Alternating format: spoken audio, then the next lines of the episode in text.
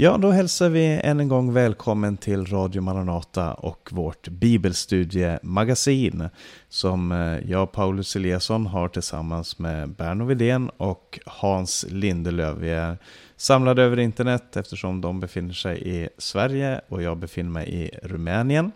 Eh, men vi har haft de här samtalen nu flera gånger. Vi har gått igenom patriarkernas liv. Abraham, Isak, Jakob, Josef och hans bröder. Eh, vi går igenom deras liv. Vi har talat om Abraham stort sett fram till nu och vi har kommit in lite mer nu på eh, Isak och Jakobs liv.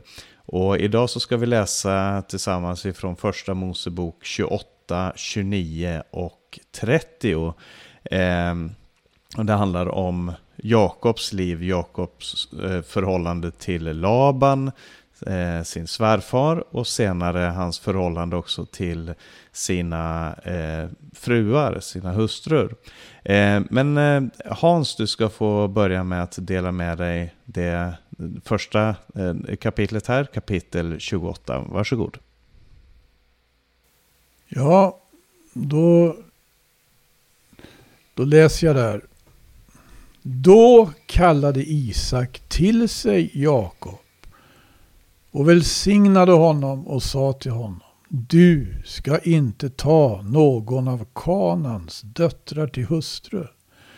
Bryt upp och bege dig till Paddan Aram, till din morfar Betuels hus. Tag, tag dig en hustru därifrån, någon av döttrarna till din morbror Laban Gud den allsmäktige ska välsigna dig och göra dig fruktsam och föröka dig så att du blir många folk.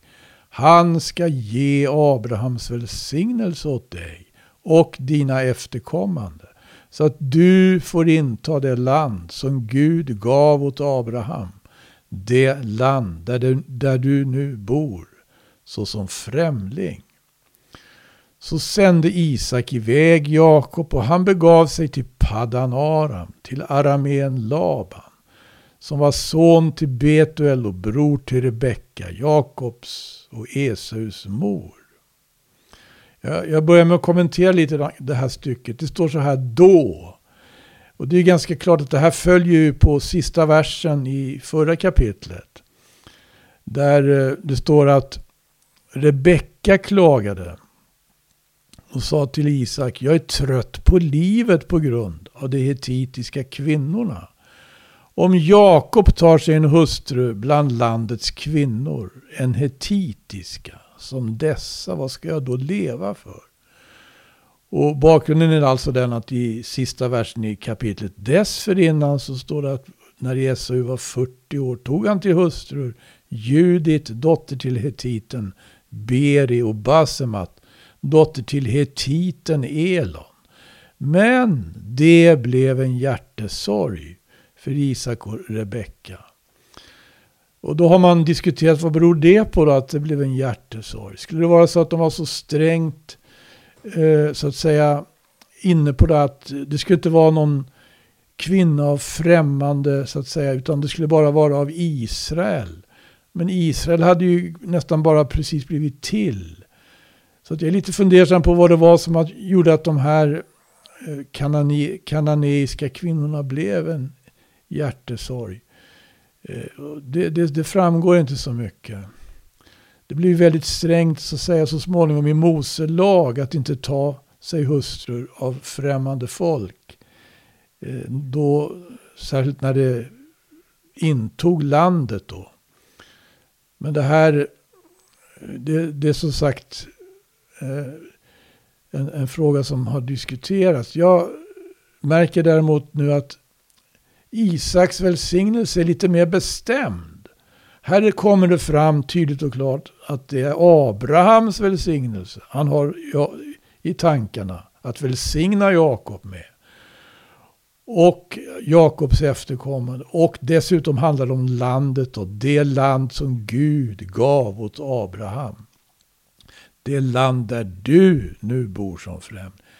Tidigare så var ju var Isaks välsignelse nästan lite svävande. Det påminner ju delvis om den välsignelse som vi ser att Gud för på tal då han kallar Abraham. Men här har vi mer bestämt eh, att det definitivt handlar om det. Ja, och så ser vi då, det är faktiskt, man blir, blir beklämmande, vad ska vi säga, det, det här är vad som brukar kallas för patetiskt. När, is, när Esau, jag läser vidare i vers 6, när Esau såg att Isak hade välsignat Jakob och sänt honom till Paddan Aram för att hämta en hustru därifrån. Han hade välsignat honom och befallt honom. Du ska inte ta en hustru bland Kanans döttrar.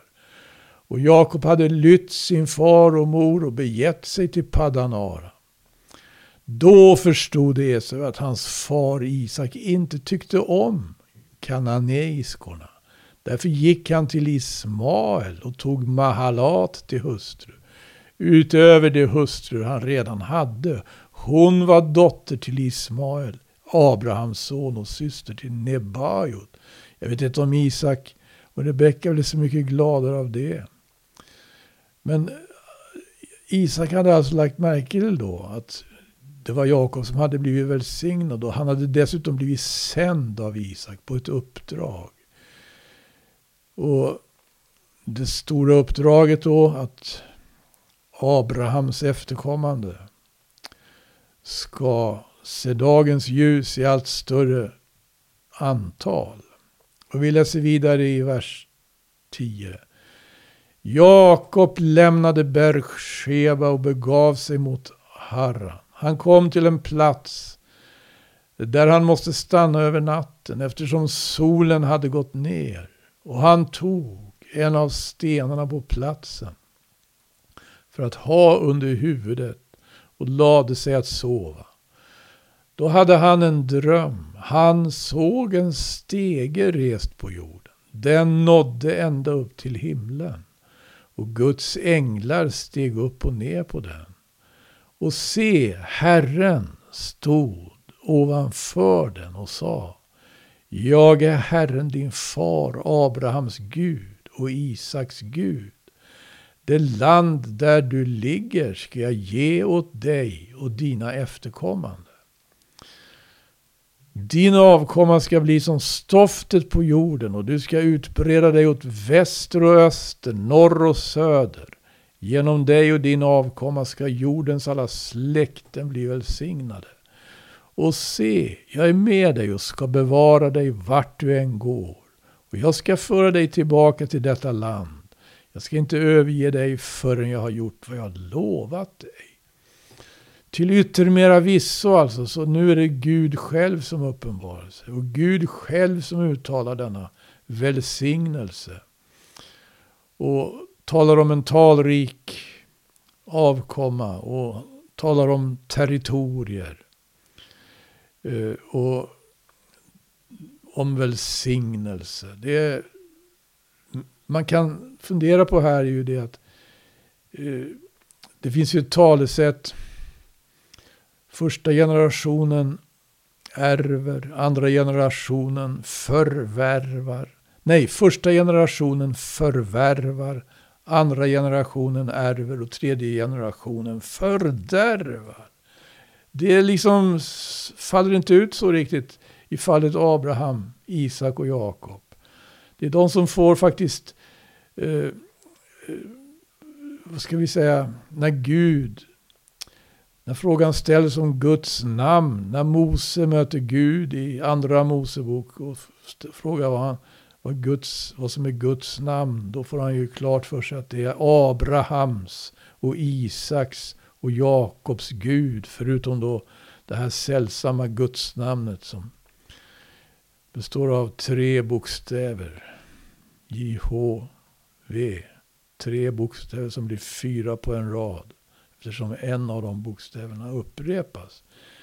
Men eh, både alla tre, Abraham såväl som Isak såväl som Jakob, fick en personlig uppenbarelse. Gud var angelägen om att var och en av dem skulle ha det. Var och en av dem skulle ha ett personligt förhållande till Gud.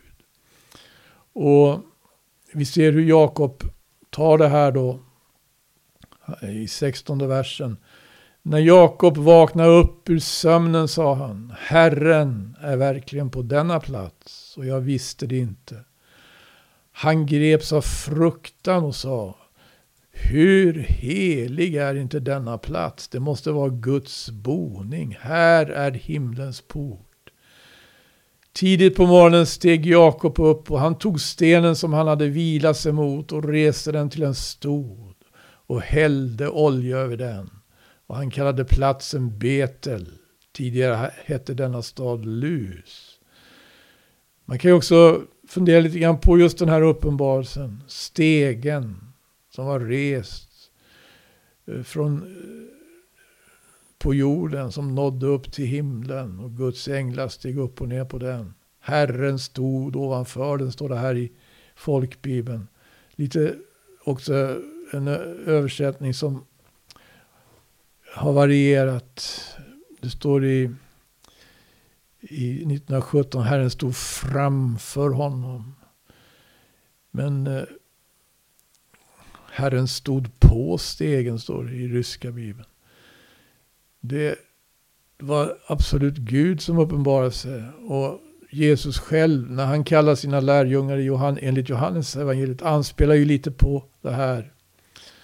Då han säger till dem, sannerligen, ni ska få se himmelen öppen och Guds änglar fara upp och fara ner över Människosonen. Jag tror det är sista versen. Johannes evangeliets första kapitel. Jakob gav ett löfte och sa, om Gud är med mig, vers 20 här. Om Gud är med mig och bevarar mig på denna resa som jag gör och ger mig bröd att äta och kläder att ta på mig. Och jag kommer tillbaks till min fars hus i frid. Då ska Herren vara min Gud och stenen som jag har rest till en stod ska bli ett Guds hus och av allt som du ger mig ska jag ge dig tionde. Ja, så det här, det här var Jakobs respons då. Han ger själv ett löfte. Gud har givit löften och han ger löfte. Och han betraktar platsen som helig. Och har den här avsikten att bygga ett Guds hus. Och det här är ju också en fråga. Blev det någonsin ett Guds hus i Betel? Jag vet inte om det blev det va? Det är ju också en fråga senare i skriften om att bygga Guds hus. Det var ju inte vem som helst som fick göra det heller. David ville så gärna bygga ett hus åt Gud, men det fick han inte. Utan det var Salomo som fick bygga det första templet. Oj, det här är uh, oerhörda ämnen som finns med i de här kapitlen i första Mosebok.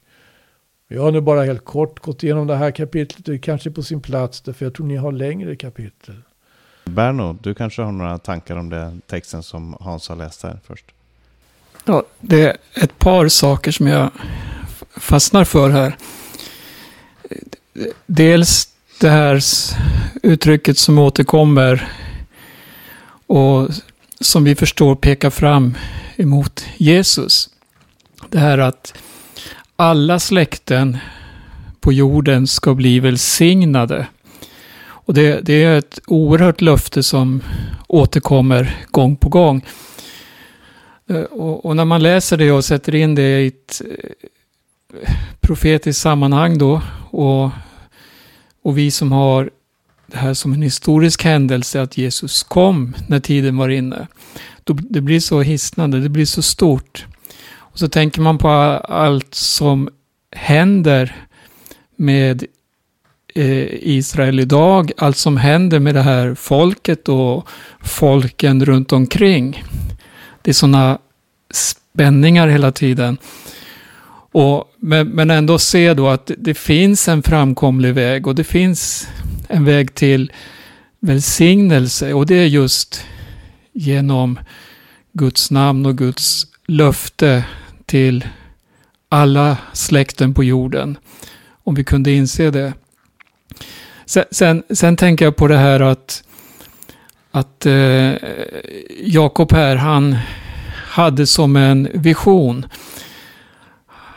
Fick ju se denna stege vara rest. Han, det var som att han såg in i himlen, änglar steg upp och ner. Och det här återkommer också vid olika tillfällen i skriften. När det är speciella händelser som ska presenteras så, så är det ibland då tillsammans med just sådana här visioner. Paulus, exempelvis, han fick det var som att han var i himlen, han kom upp till tredje himlen, skriver han själv. Vi, vi läser om Johannes i Uppenbarelseboken att i ett nu så, så befann han sig i himlen. Och det, det, det här knyter samman händelserna. Vi har ju också flera profeter som har liknande upplevelser med sina syner. Mm. Ja. ja. Jag tänker också på det där med den här stegen som är rest mellan himmelen och jorden. Det, det är ju ett stort tema i Bibeln, alltså de här mötesplatserna mellan himmel och jord. Du har det i, i Edens lustgård, eh, finns det en mötesplats mellan himmel och jord. Och sen så händer det egentligen ingenting med den här mötesplatsen. Alltså från människors sida så händer det någonting. De försöker skapa en mötesplats eh, med Babels torn. Men det är först här som första gången som, som vi får se det här att det finns en, en anknytning och det, och det är en stege som är rest här eh, och Guds änglar som går upp och ner och den, den de går upp och ner till, alltså den de går ner till är ju till Jakob. De går ner för att möta Jakob. Eh, och Herren står överst på den här eh, stegen som står i den här översättningen som Hans nämnde här så finns det flera olika översättningar. Men, men eh, Jakob, han både förstår och inte förstår. För att jag tycker att han visar en väldig insikt när han säger här är Herrens hus. Liksom här, det här är Betel, det här är Guds hus, här, här är han.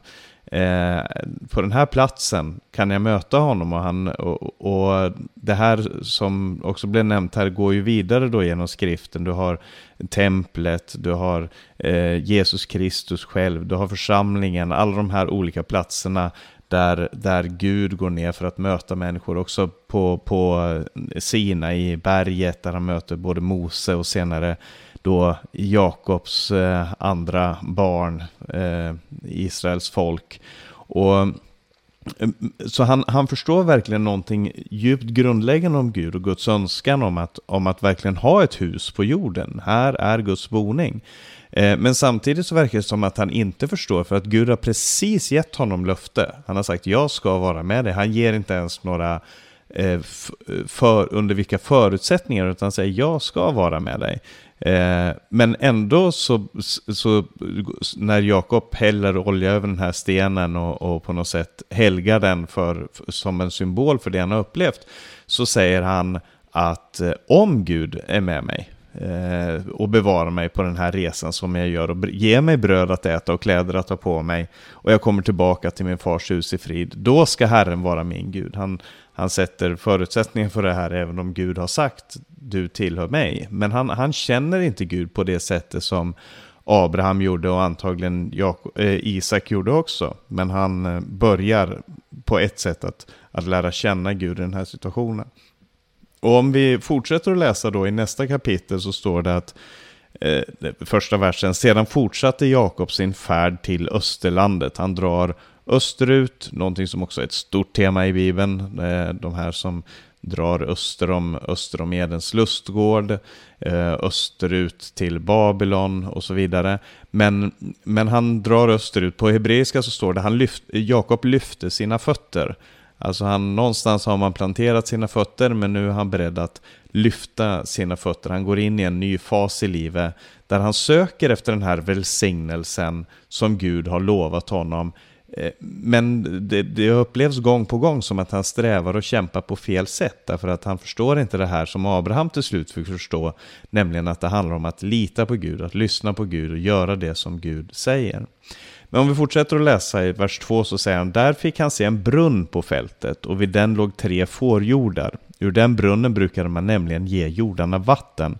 Stenen som låg över brunnens öppning var stor. Därför brukade man först samla alla jordarna där och sedan rulla bort stenen från öppningen till brunnen och ge fåren vatten. Därefter la man tillbaka stenen på sin plats över brunnens öppning. Jakob frågade männen, mina bröder, varifrån är ni? De svarade, vi är från Harran. Då sa han till dem, känner ni Laban, Nahors son? Honom känner vi, svarade de. Han frågade dem, är det väl med honom? De svarade, ja, det är väl, och där kommer hans dotter Rakel med fåren. Jakob sa, det är ju fortfarande full dag, det är inte tid att samla, ihop, eh, samla in boskapen. Ge fåren vatten och för dem ut på bete igen. Men de svarade, vi kan inte göra det förrän alla jordarna har samlats och de har rullat bort stenen från brunnens öppning. Då ger vi fåren vatten. Medan han talade med dem kom Rakel dit med sin fars får, för de brukade vakta dem. När Jakob fick se morbror Laban, sin morbror Labans dotter Rakel komma med Labans får, gick han fram och rullade bort stenen från öppningen till brunnen och gav vatten åt sin morbror Labans får, och Jakob kysste Rakel och brast i gråt. Och, eh, och när vi talar om, om eh, Isak och Rebecka och när vi talar om Eliesers möte med Rebecka så nämnde jag det här att i Bibeln så finns det ett tema och det, den finns också i annan litteratur som är det här mötet mellan eh, människor. Alltså i förra kapitlet så var det mötet mellan Gud och människa men här är det mötet mellan Jakob och Rakel. Eh, och, och ofta så så sker de här mötena mellan två människor, en man och en kvinna, vid någon brunn. Eh, det, det, kommer tillbaka gång på gång i Bibeln. Eh, men man kan också lägga märke till skillnaden mellan eh, eh Eliesers sökande efter Rebecka åt Isak för Abrahams räkning, eh, där, eh, där Eliezer bad innan han mötte eh, Rebecka, han bad till Gud om, om ledning. Och han tillbad också Gud efteråt när han förstod det här är Eh, vems dotter hon var och att det var liksom det här var i, i, på något sätt i Guds ledning så tackar han och tillber Gud Eliezer i, i den berättelsen. Medan Jakob här han, han är rörd det är helt tydligt. Det står att han kysste Rakel och brast i gråt. Eh, men, men han gör allting på eget initiativ. Eh, Eliezer bad om vatten medan Jakob visar att han själv är stark genom att rulla bort den här stenen trots att de andra herdarna sa att nej vi ska vänta tills alla har kommit hit. Men när han ser Rakel där så bestämmer han sig för att nej, jag ska rulla bort den här stenen. Det står ingenting om hans motivation, men det verkar som någon slags eh, vilja att visa jag är stark, jag kan, jag för, förmår och så vidare. Eh, och det här är inte sista gången som Jakob brister i gråt heller i, i de här texterna som vi läser. Det finns så många olika orsaker varför människor gråter, men, men just i, i eh, berättelserna i Första Mosebok så handlar det nästan alltid om relationer som har brustit. Alternativt brustna relationer som helas. Så jag tror vi kommer se det när vi läser mer om hur Jakob och Esau börjar närma sig varandra. Men i alla fall, vi läser vidare. Han berättade för Rakel att han var hennes fars släkting och att han var Rebeckas son. Då sprang hon iväg och berättade det för sin far. När Laban fick höra om sin systerson Jakob skyndade han sig emot honom, tog honom i famn och kysste honom och förde honom in i sitt hus. Jakob berättade för Laban allt som hade hänt honom. Och Laban sa till honom, du är verkligen samma kött och blod som jag. Så stannade han hos honom en månad. Jag, jag har ofta stannat till inför det där uttrycket som, som Laban säger till Jakob, du är verkligen samma kött och blod som jag.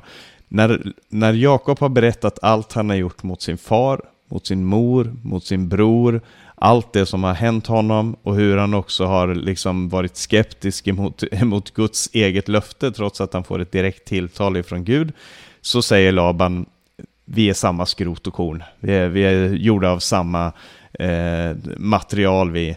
Eh, och det är de verkligen. När man läser vidare i historien så ser man att Laban, han, eh, Jakob möter nä nästan sin överman i lurendrejeri och bedrägeri och, och försök att utnyttja och så vidare i sin morbror Laban. Eh, men det fortsätter här då, så han tas emot i den här familjen och Laban säger till Jakob, du är min släkting, eh, ska du arbeta åt mig för ingenting? Säg mig vad du vill ha i lön. Och Laban hade två döttrar. Den, äls- den äldre hette Lea och den yngre Rakel. Leas ögon var matta, men Rakel var välväxt och vacker att se på. Här ska jag säga att det finns lite olika översättningsalternativ här, men, men det här är det vanligaste sättet som man översätter på. Leas ögon var matta, men Rakel var välväxt och vacker att se på. Och Jakob älskade Rakel. Därför sa han, jag kan arbeta för dig i sju år för Rakel, den, din yngre dotter. Laban svarade, det är bättre att jag ger henne åt till dig än till någon annan, stanna kvar hos mig. Så arbetade Jakob i sju år för Rakel, men för honom var det bara som några dagar, eftersom han älskade henne. Och eh, sju år, det, det är ju en ansenlig eh, mängd arbete, ett ansenligt värde i det arbetet. Eh, vi, Jakob, han, han, erbjud, han gör ett väldigt stort erbjudande just därför att han inte vill riskera att Laban säger nej, tror jag. Han älskar verkligen eh, Rakel och han, han bestämmer sig för jag, jag, ger ett, jag ger ett högt erbjudande så, så vågar han inte säga nej, eller så kan han inte säga nej. Och det är helt sant. Han, han visar verkligen sin, sin eh, kärlek till Rakel. Men eh, saken är den att när man, eh, om, om man kommer till någon och säger att jag vill gärna köpa vad det nu än är, jag vill köpa det där pianot av dig, och man ser ett stort värde i det, och så säger jag vad vill du betala för det? Jag kan betala 100 000. Eh, då förstår den andra att okej, okay, då är den antagligen värd mycket, mycket mer. Eh, och Laban är en, en eh, eh, handelsman, han är en person som, som förstår det psykologiska spelet här, för att när Jakob visar så stor iver så avslöjar han också sin svaghet och det kommer Laban utnyttja i den här berättelsen. Så det står så här att när tiden hade gått, alltså efter sju år, så sa Jakob till Laban, ge mig min hustru för nu är tiden inne, låt mig gå till henne. Då samlade Laban allt folket på orten och ordnade en fest. Men när kvällen kom tog han sin dotter Lea och förde henne till honom och han gick in till henne. Och Laban gav sin slavin, slavinna Silpa till tjänsteflicka åt sin dotter Lea. På morgonen fick Jakob se att det var Lea. Då sa han till Laban, vad har du gjort mot mig? Var det inte för Rakel jag arbetade hos dig? Varför har du bedragit mig? Laban svarade, här på vår ort brukar man inte ge bort den yngre för den äldre. Fullför nu Leas bröllopsvecka. Eh, sen ska vi ge dig den andra också mot att du arbetar åt mig sju år till. Jakob, Jakob gick med på det och fullföljde hennes bröllopsvecka. Sedan gav han honom sin dotter Rakel till hustru och Laban gav sin slavinna Bilha till tjänsteflicka åt sin dotter Rakel. Så gick Jakob in till Rakel också och han älskade Rakel mer än Lea. Sedan arbetade han hos honom i sju år. Och det här kan man ju absolut säga, och med, med all rätt, att det här är ett väldigt billigt och fult trick av, av eh, av Laban. Eh, och det är helt sant. Men det här ordet bedragit i vers 25 där det står vad, eh, eh, vad har du gjort för mig? Varför har du bedragit mig? Det är samma ord som, es, som Esau sa till Isak. Eh, när Jakob hade tagit välsignelsen ifrån så sa han han har bedragit mig. Det, det, är samma ord som används nästa gång det används i texten är här. Så det är på något sätt att människor ja, han får uppleva någonting av sin egen medicin, av sitt, sitt eget beteende. Eh, och, men det enda som kommer ut ur det här, det är ju att en bedragare blir bedragen och man kan tycka att det är någon slags eh, poetisk rättvisa, men det, men det är ju inte en upprättelse. Det är inte en, en förbättring.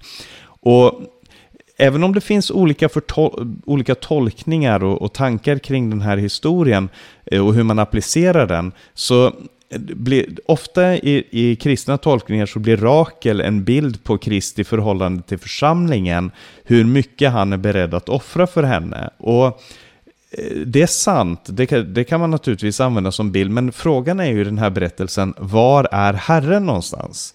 Alltså Herren som uppenbarade sig för Jakob i förra kapitlet, nu är det helt, eh, det, han har inte nämnts än i den här, i den här berättelsen. Eh, vem, vem är det Herren bryr sig om? Vi vet sedan tidigare där det står att Isak älskade eh, Esau medan Rebecka älskade Jakob. Det var föräldrars kärlek till sina två söner.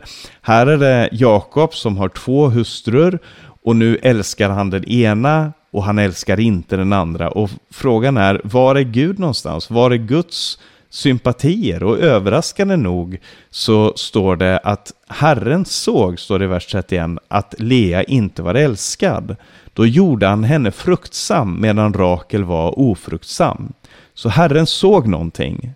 Och Lea blev havande och, för, Ehm, och födde en son och gav honom namnet Ruben.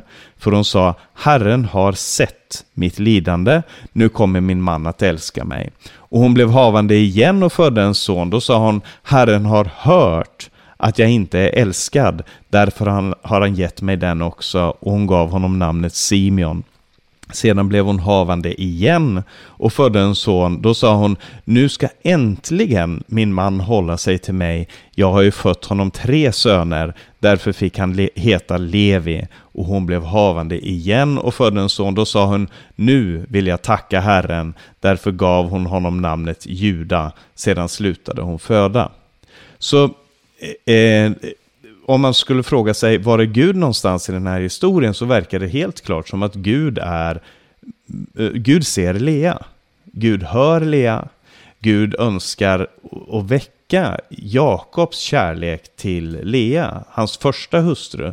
Vilket också är intressant med tanke på det här frågan om, om polygami i Bibeln. Så verkar det nästan alltid som att Guds stora sympati, även om Gud alltid ser till den svage, så, så Guds plan går nästan alltid genom den första hustrun som en man har och resten verkar det som att det går efter hans eget hjärta. Så eh, Jakob, han älskade Rakel, men, men Gud ser verkligen till Lea i hennes nöd. Och så, och hon, namnen som hon ger till sina barn, de visar att Jakob, helt uppenbart, trots då det som måste ha varit många års förhållande, aldrig väcktes i sin kärlek till Lea. I alla fall inte inför de tre första eh, sönerna. Och hon längtar efter en kärlek som hon inte får ifrån någon människa.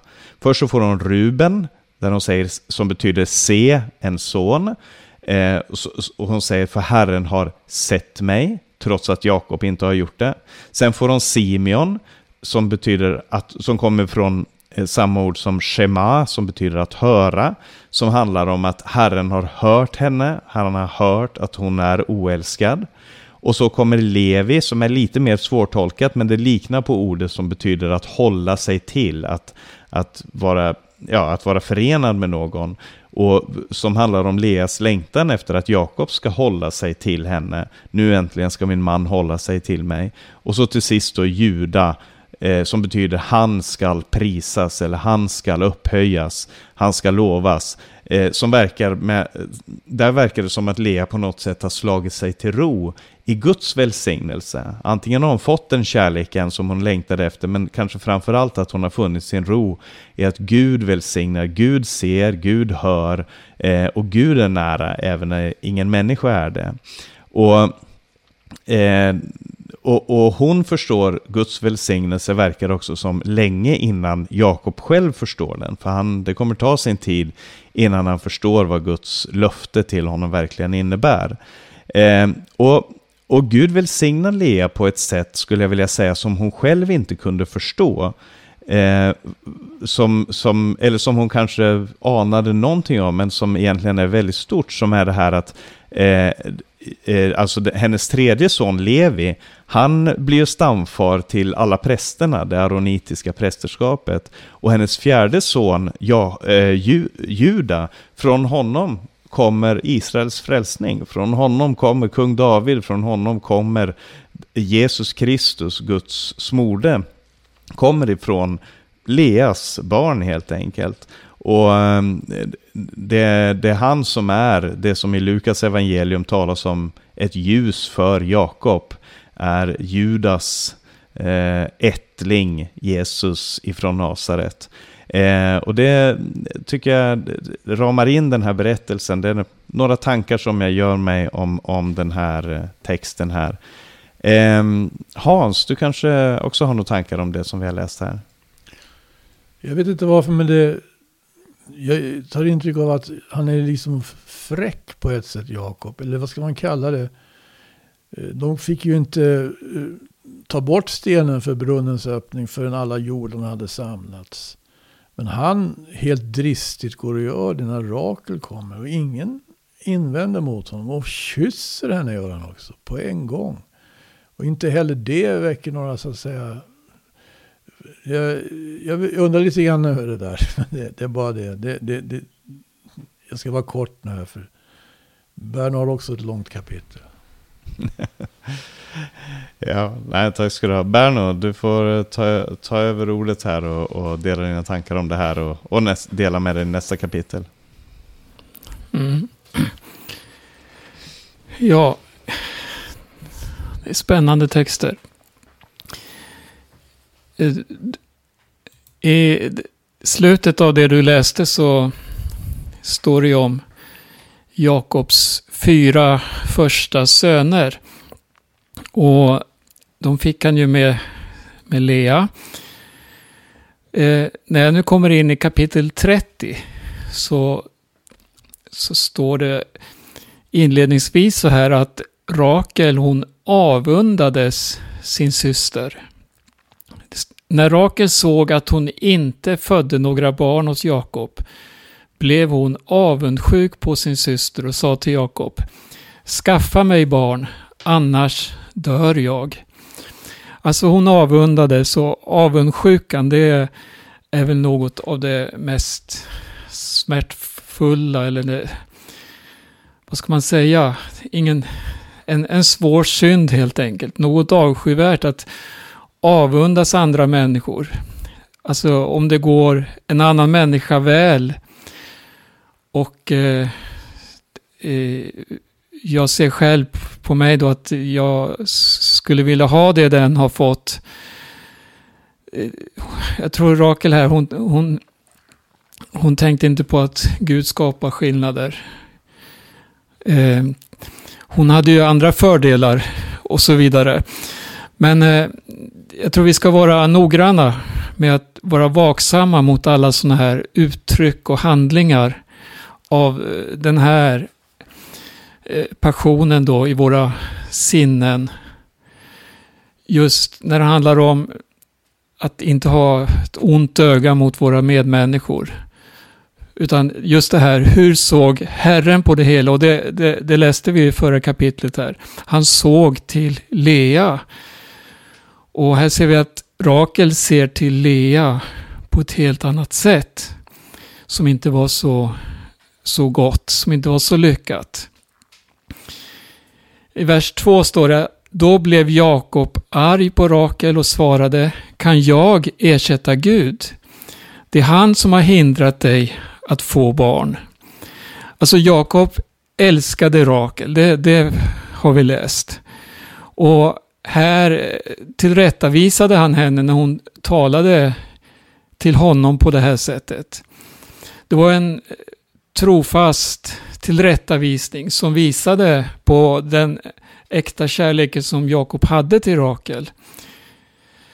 Ehm, eh, han sa ju så här, kan jag ersätta Gud? Och alltså Gud, han eh, han kan, ta, han kan inta en plats för vilket skapat som helst i oss. Men att, att sätta en skapad varelse på Guds plats som Rakel gjorde här, det är också eh, inte så klokt. Va? Det är synd, det är en dumhet. Och sätta tilliten då till skapelsen istället för endast till Herren Gud. Det finns många lärdomar här så, och mycket som Rakel här fick gå igenom i sin smärta då. Det, att hon var barnlös och det, det, det var ju något av, eh, vad ska man säga, en, en, en, en, en hustru som inte kunde föda barn. Det var ju en stor tragedi. Det, det största man kunde göra det var ju att föra släktet vidare, föra familjen vidare och så vidare. I vers 3 så säger Rakel så här då till Jakob. Här är min slavinna Bilha. Gå in till henne så att hon får föda barn åt mig och jag får avkomma genom henne. Så gav hon honom sin slavinna Bilha till hustru och Jakob gick in till henne. Bilha blev havande och födde en son åt Jakob. Då sa Rakel, Gud har skaffat mig rätt. Han har hört min röst och gett mig en son. Därför gav hon honom namnet Dan. Och Bilha, Rakels slavinna, blev havande igen och födde en andra son åt Jakob. Då sade Rakel, Guds kamper har jag kämpat med min syster och jag har vunnit. Och hon gav honom namnet Naftali. Eh, här blev alltså, vad ska man säga, Jakob övertalad av Rakel och tog då Bilha, eh, hennes tjänarinna till hustru. Och som, ja enligt tidsandan, enligt den rådande kulturen så skulle ju barnen tillhöra då hans hustru. Det var inte tjänstekvinnans son på det sättet, utan det var ju något som Rakel tog till sig. Ehm, jag tänker så här om, om hennes hjärta då inte hade påverkats av de här passionerna som hon bar på. Ehm, eller onda passionerna. Då skulle hon... Man tänker att Rakel skulle ha tänkt på sin systers barn. Som stod henne närmare och hade mer rätt egentligen till hennes kärlek än Bilhas barn. Men de barnen som hon hade rätt att befalla, de var, de var mer önskvärda för henne än de barn som hon hade mer skäl egentligen att älska. Man, man ser det här maktspelet hela tiden lysa igenom. Och eh, hon gav ju de här barnen namn också. Och som också har betydelse som Dan. Det har ju en betydelse som att skaffa rätt. Gud har skaffat mig rätt. Naftali, det har också med den här kampen att göra. Jag har kämpat med min syster och jag har vunnit. Och här ser man, hon, hon sitt, sätter sig själv mitt i den här striden mot sin syster det, det är en eh, avundsjukans och rivalitetens kraft så, så, så, som vi möter här. Och e- en sak jag funderar på, som jag tycker är så genomgående i skriften, när, när, när man läser eh, speciellt om patriarkerna. Vi har läst om Abraham, vi läser om Isak, Esau och den konflikten som där fanns och de, det sveket som fanns och bedrägeriet. Och sen, sen fortsätter vi läsa om Jakob och nu då och, och, och hans hustrur. Och vi, vi ser att allting går sakta framåt. Och det, det här är ursprunget till det som är på väg att bli ett Guds folk. Här är Bibeln tydlig. Israel och Israels tolv stammar så småningom. Men så tittar man, hur, hur har allt kommit till? Genom bedrägerier, genom svek, genom avundsjuka, rivalitet och så vidare. Men, men ändå, genom allt det här, genom människors misslyckande, genom allt, så ser vi ändå att Gud har sitt finger med i spelet. Han, han, han ser visst, människor agerar på olika sätt, människor faller, men det finns någonting övergripande. Och, och så ser man hur det här övergripande, det är det som kommer att segra till slut. Det är det målet som kommer att uppnås. Och här, här möter man Guds trofasthet genom allt. Guds trofasthet, hur han ser till, ja, han, han, har en plan för människan. Gud sände sin son Jesus. när tiden var inne. Och här, här ser vi också hur, egentligen hur omöjligt det var och hur illa Jesus blev mottagen. Men ändå är det genom det namnet som allting kommer att få sin uppfyllelse, sin upprättelse. Ja, det är sådana här tankar som kommer och det, det är, vad ska man säga, det är stort. Jag ska läsa lite längre fram här. Det föds ju flera barn till Jakob här, både genom Lea och tjänstekvinnorna. Sen, sen, det står i fjortonde versen. En gång under veteskörden gick Ruben ut på marken och fann kärleksäpplen som han tog med till sin mor Lea. Då sade Rakel till Lea, Ge mig av din sons kärleksäpplen. Men hon svarade henne, Är det inte nog att du har tagit min man? Ska du ta min sons kärleksäpplen också? Rakel sade, han får ligga med dig i natt om jag får din sons kärleksäpplen. När Jakob kom hem från marken på kvällen gick Lea och mötte honom och sade du ska komma in till mig, för jag har gett min sons kärleksäpplen som lön för dig. Så låg han med henne den natten. Gud hörde Lea, och hon blev havande och födde en femte son åt Jakob. Då sade Lea, Gud har gett mig lön för att jag gav min slavinna åt min man. Och hon gav honom namnet Isaskar. Och det anknyter till det hebreiska ordet för lön. Alltså Gud har gett mig lön. Och Lea blev havande igen och födde en sjätte son åt Jakob. Då sade hon, Gud har gett mig en god gåva. Nu ska min man bo hos mig eftersom jag har fött sex söner åt honom. Och hon gav honom namnet Sebulon. Eh, därefter födde hon en dotter och gav henne namnet Dina. Men Gud tänkte på Rakel, står det vidare, och gjorde henne fruktsam. Och hon blev havande och födde en son. Då sade hon, Gud har tagit bort min skam och hon gav honom namnet Josef och sade Herren ska ge mig en son till. Ja, vad ska man säga? man ser en önskan att få vara modern verkligen till det utlovade eh, fröet eller det utlovade.